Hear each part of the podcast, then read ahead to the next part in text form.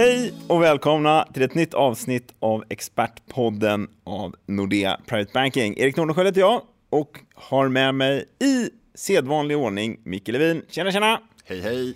Du, eh, ny vecka, nytt val i Frankrike. Ja. Det blir lite... Eh, Det är en sån här åter, Repetitivt. ja, å- återkommande eller sån här följetong nästan. Och, och det blev väl lite grann, det är ju alltid lätt att vara, vara efterklok här. Men eh, vi har ju suttit och, och vevat det här ämnet några, några gånger i podden och, och eh, haft eh, inställningen eller givet rådet att kanske inte låta den här politiska bruset få, få allt för stor påverkan på portföljen. Och eh, ja, som alla vet så vann ju Macron eh, den andra omgången precis som marknaden hade förväntat sig. Och därmed så känns det väl lite som att, att politik per se kanske försvinner försvinner ut ur bilden. Visst, det kommer ju nya val hela tiden och sådär men, men eh, Eh, det ligger väl inte i, farans riktning, eh, om jag får säga så, att, att det ska bli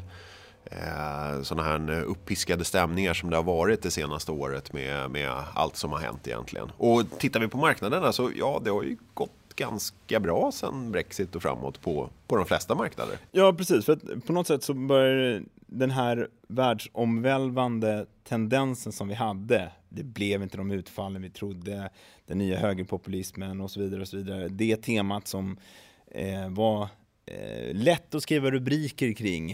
Eh, det har väl kanske blivit lite urvattnat. Visst, Le Pen gick till andra omgången och sådär, men ja. Och sen så rejält med stryk. Så ja, det kanske inte är så kul att spänna, eh, prata om längre och, och intresset falnar lite när det inte blir de stora överraskningarna och det inte blir några marknadsomvälvningar. Och då blir det väl kanske marknaden mera underliggande drivkrafter som vi kommer att titta på. Och det är ju lite intressant som du säger, för sen Brexit så har vi ju haft ett ganska eller en väldigt god utveckling för marknaden som lite Ja. har kommit i skymundan. Oh ja. Eh, och eh, det är just den här diskrepansen mellan hur man uppfattar situationen. Oftast när det är krigsrubriker, då tror man ju att per automatik att ja, men allting kommer ju gå i diket. va. Och eh, de flesta tillgångsslag under den här perioden har ju avkastat alldeles, alldeles strålande. Och det skulle jag också vilja säga är en liten eh, fjäder i hatten för marknaden som faktiskt har, trots allt det här eh, bruset, just det politiska bruset, så har man marknaden alltså lyckats hålla någorlunda fokus på vad som har hänt. Och den utvecklingen har ju varit långt ifrån dålig om vi tittar på den ekonomiska datan. Eh, det vände ju någon gång där eh, under förra sommaren och, och den globala ekonomin har ju varit i en väldigt, väldigt stark trend nu, ja snart, snart ett år. Och det där har ju följts åt lite grann på marknaden trots alla de här eh, ja, politiska eventen och rubrikerna och, och jag tror aldrig jag läst så mycket från, från just finanssidan så mycket analys som, som går igenom olika scenarion och hur kan man investera och så vidare och så vidare istället för att då fokusera på det man kanske ska göra, det vill säga ekonomiska utvecklingen, vinsterna och så vidare. Det är ju inte så att det har försvunnit helt, men det andra har tagit över en hel del i flödet. Ja, alltså man kan ju dissekera det där lite. En, en sak som, som jag tycker är lite intressant är just de här vinstnedrevideringarna som inte har blivit, eh, kanske man ska säga. Och det var ju också något som började förra året där analytikerna som ja, ibland kanske är lite väl positivt inställda till eh, marknadens framgångar, men de vände någonstans i slutet på förra året och började tycka att ah, men det här ser nog faktiskt lite bättre ut. Och det är en tendens som har fortsatt eh, under första kvartalet i år.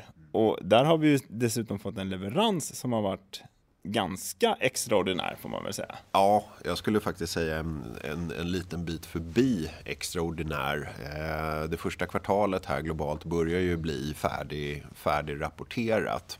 Och eh, det är väl också en av anledningarna, förutom då den här relief rallyt eller vad man ska kalla det för efter första omgången i franska valet. Men en annan stor anledning är som sagt de rapporter som faktiskt har lämnats.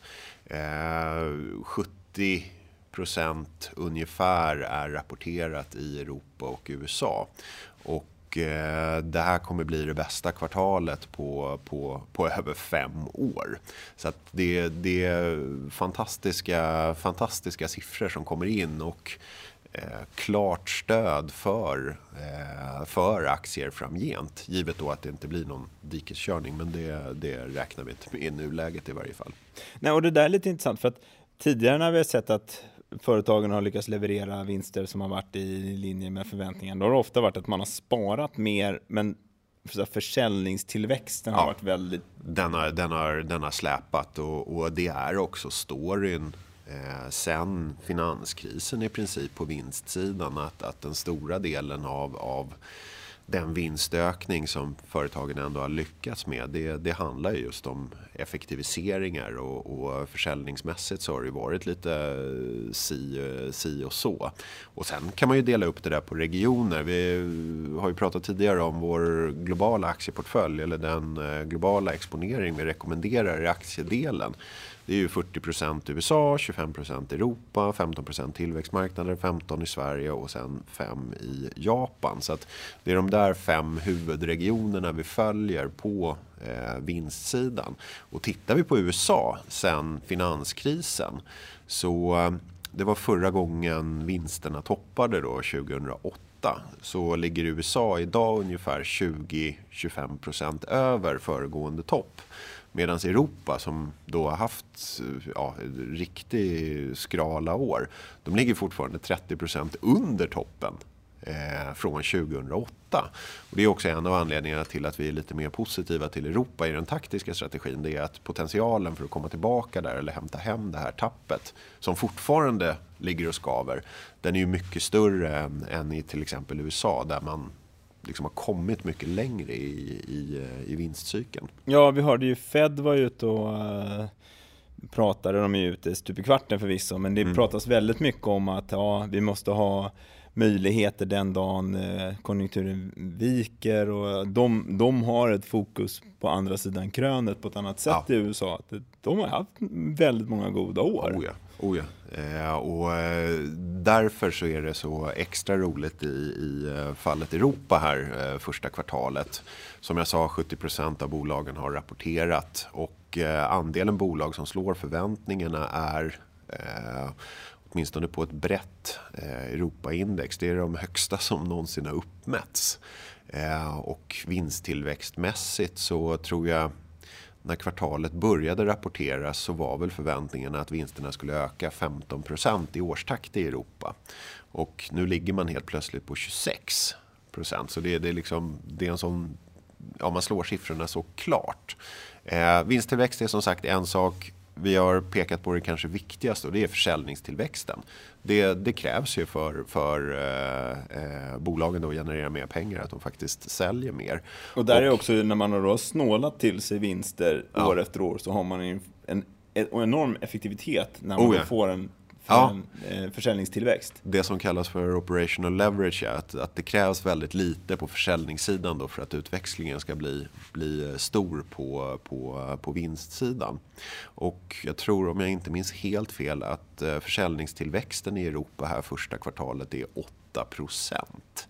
Och det är ju faktiskt ganska så kraftigt. Och eh, även i USA så är det relativt höga, jag tror det var 6 eller 7 procent eh, försäljningstillväxt där. Sen kan man ju räkna, det, det, här är ju olika typer av index och det finns med energi, utan energi, ex-finans och så vidare. och så vidare. Men hur man än vrider och vänder på siffrorna från både USA och Europa så, så är det ett kanonkvartal med lite extra guldstjärna där för, för eh, Europa. Och det är ju det är lite skojigt då eftersom vi, vi råkar gilla Europa eh, inom eh, aktie, aktiestrategin. Ja men precis, det där är ju eh, ja, fjäder i hatten. Så säga. Men eh, hur ser det ut i eh, tillväxtmarknaderna? Vi har ju en eh, ganska stark position eller i ja, de, mot dem. de är vi också positiva till. Och och eh, de rapporterna, eller Q1 i tillväxtmarknaden, ligger ett par veckor efter. Så där, har det inte börjat, eh, där har det inte börjat trilla in siffror i samma utsträckning då som i de utvecklade marknaderna. Så det, det är väl en anledning att återkomma här till podden för att bara avsluta det här eh, första kvartalet då på, på vinstsidan. Men revideringstrenden, analytikerna upp, uppdaterar ju sina estimat hela tiden och de kan vi ju följa. Och där ser det fortsatt väldigt bra ut för, för tillväxtländerna. Så att, eh, inte speciellt orolig för, för utfallet här under, under Q1. Sen eh, en marknad som USA, det är ju det här standardindexet S&P 500, de 500 största bolagen. Det är otroligt lätt att följa aggregaten, siffrorna, de, de, de, finns där i alla databaser och så vidare. Men när vi kommer just till tillväxtmarknaderna så dels är det ju tre regioner då, Asien, Latinamerika och Östeuropa. Och sen in består ju varje region av en väldig massa olika länder. Så att de där aggregaten är lite mer eh, tricky att få tag på. Så att vi kommer ju sätta oss ner med många ja, enskilda länder i princip och sen försöka räkna ihop det på på indexnivå. Det är lite tuffare med eh, aggregerade siffror på, på tillväxtländerna. Men återigen, vi är inte oroliga för, för eh, första kvartal, eh, kvartalets rapportering i, i de här regionerna heller. Men i, um, om vi nu har 26 tillväxt i vinsterna, 8 eh, eh, försäljningsökningar det börjar bli lite svårt att liksom toppa. Har, alltså efter fem kvartal av, av vinstrecession så mm. det, det ju, då kommer man ju någonstans från källan liksom. Men nu oh, ja. börjar det bli liksom Det blir svårare och svårare att, att, nå förväntningarna och det är helt sant. Och det här är ju någonting som, som eh, man får hålla lite koll på framöver. För att Eh, risken egentligen eh, med det här fina kvartalet, sen det ska ju tilläggas att en del av det här är ju baseffekter då för att Q1 2016 var ett riktigt skräpkvartal. Så att Ja, då del... satt vi och eh, trodde att världen skulle gå under och Kina in i recession. Och... Ja, exakt. Så att, uh, det, det, får man, uh, det får man ha med i, i beräkningen. Men jag tror att den stora risken här framöver är att marknaden gör det som den ibland är ganska bra eh, på att göra och det är att liksom bli överoptimistisk och börja extrapolera. Ja, och precis, det, extrapolera, det är ju det farligaste du kan göra inom, inom eh, investeringar.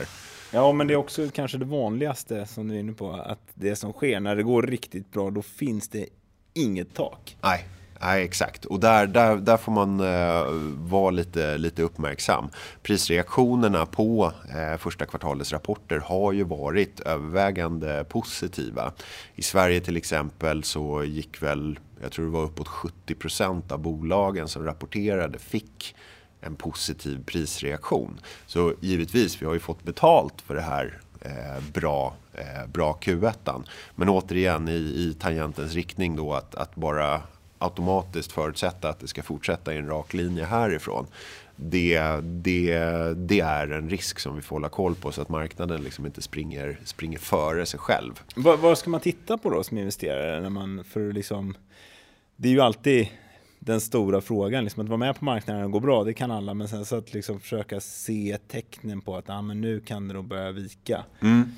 Eh, vinstrevideringstrenden där är, är, ganska viktig. Hur många bolags eh, förväntade vinst som revideras upp i förhållande till hur många bolags väntade vinst som revideras ner.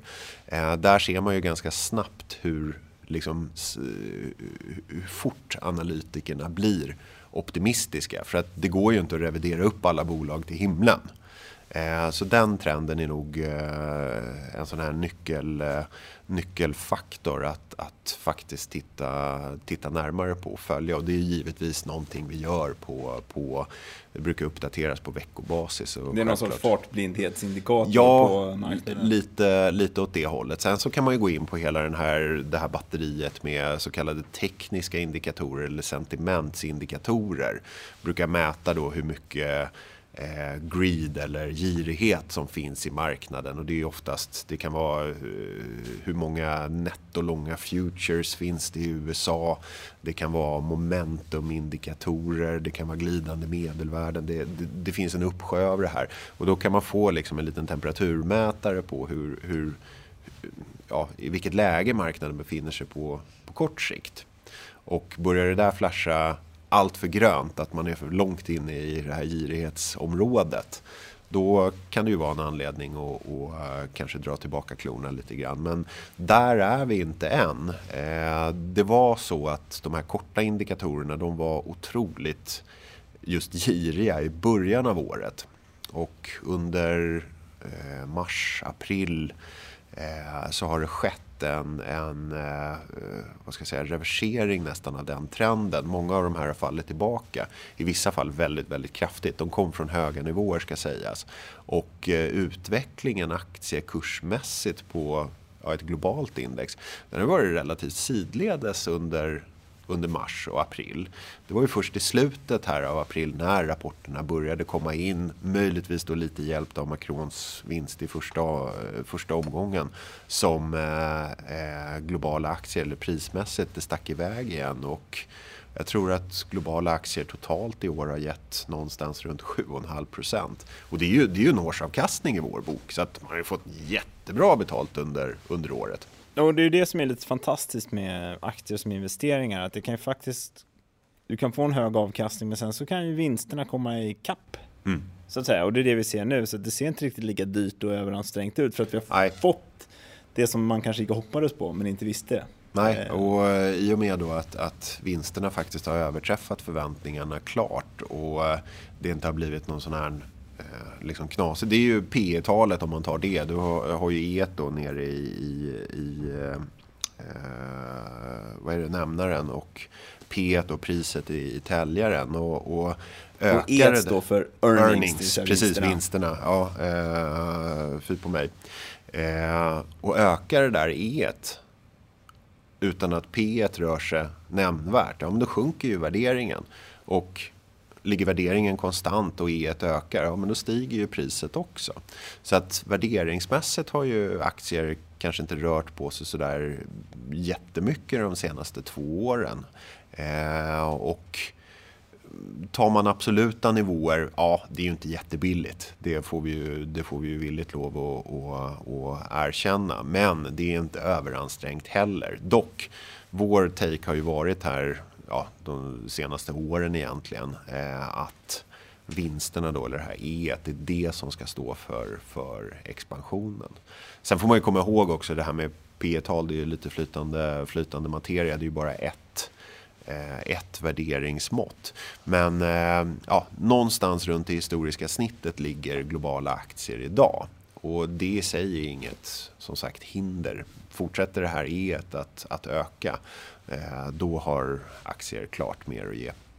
Så egentligen kan man sammanfatta det att det är företagsvinsterna är betydligt viktigare än de politiska vinsterna. Oh ja, oh ja. Nej, men det, det, är den, det är den långsiktiga ultimata drivkraften för aktier. Och även, vi har ju nämnt det någon gång, det är ju inte bara aktier utan eh, även på obligationssidan, framförallt företagsobligationer. De är lika beroende av vinsterna de eh, utvecklingen i det tillgångslaget. Men just för, för aktier specifikt, det är ju därför man köper en aktie. Det är ju en andel i, i det här bolagets framtida vinst. Och blir vinsten större, ja men då får ju du mer avkastning. Så att eh, vinsterna, det, det, är det någon, någon grej man ska titta på på, på aktier så, så är det vinsterna.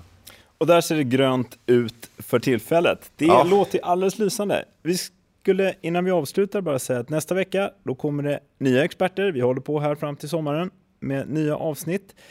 Och är det någonting ni har några funderingar kring så hör gärna av er till expertpodden at nordea.se. Vi återkommer snart igen. Ha det så bra. Hej hej! Hej hej!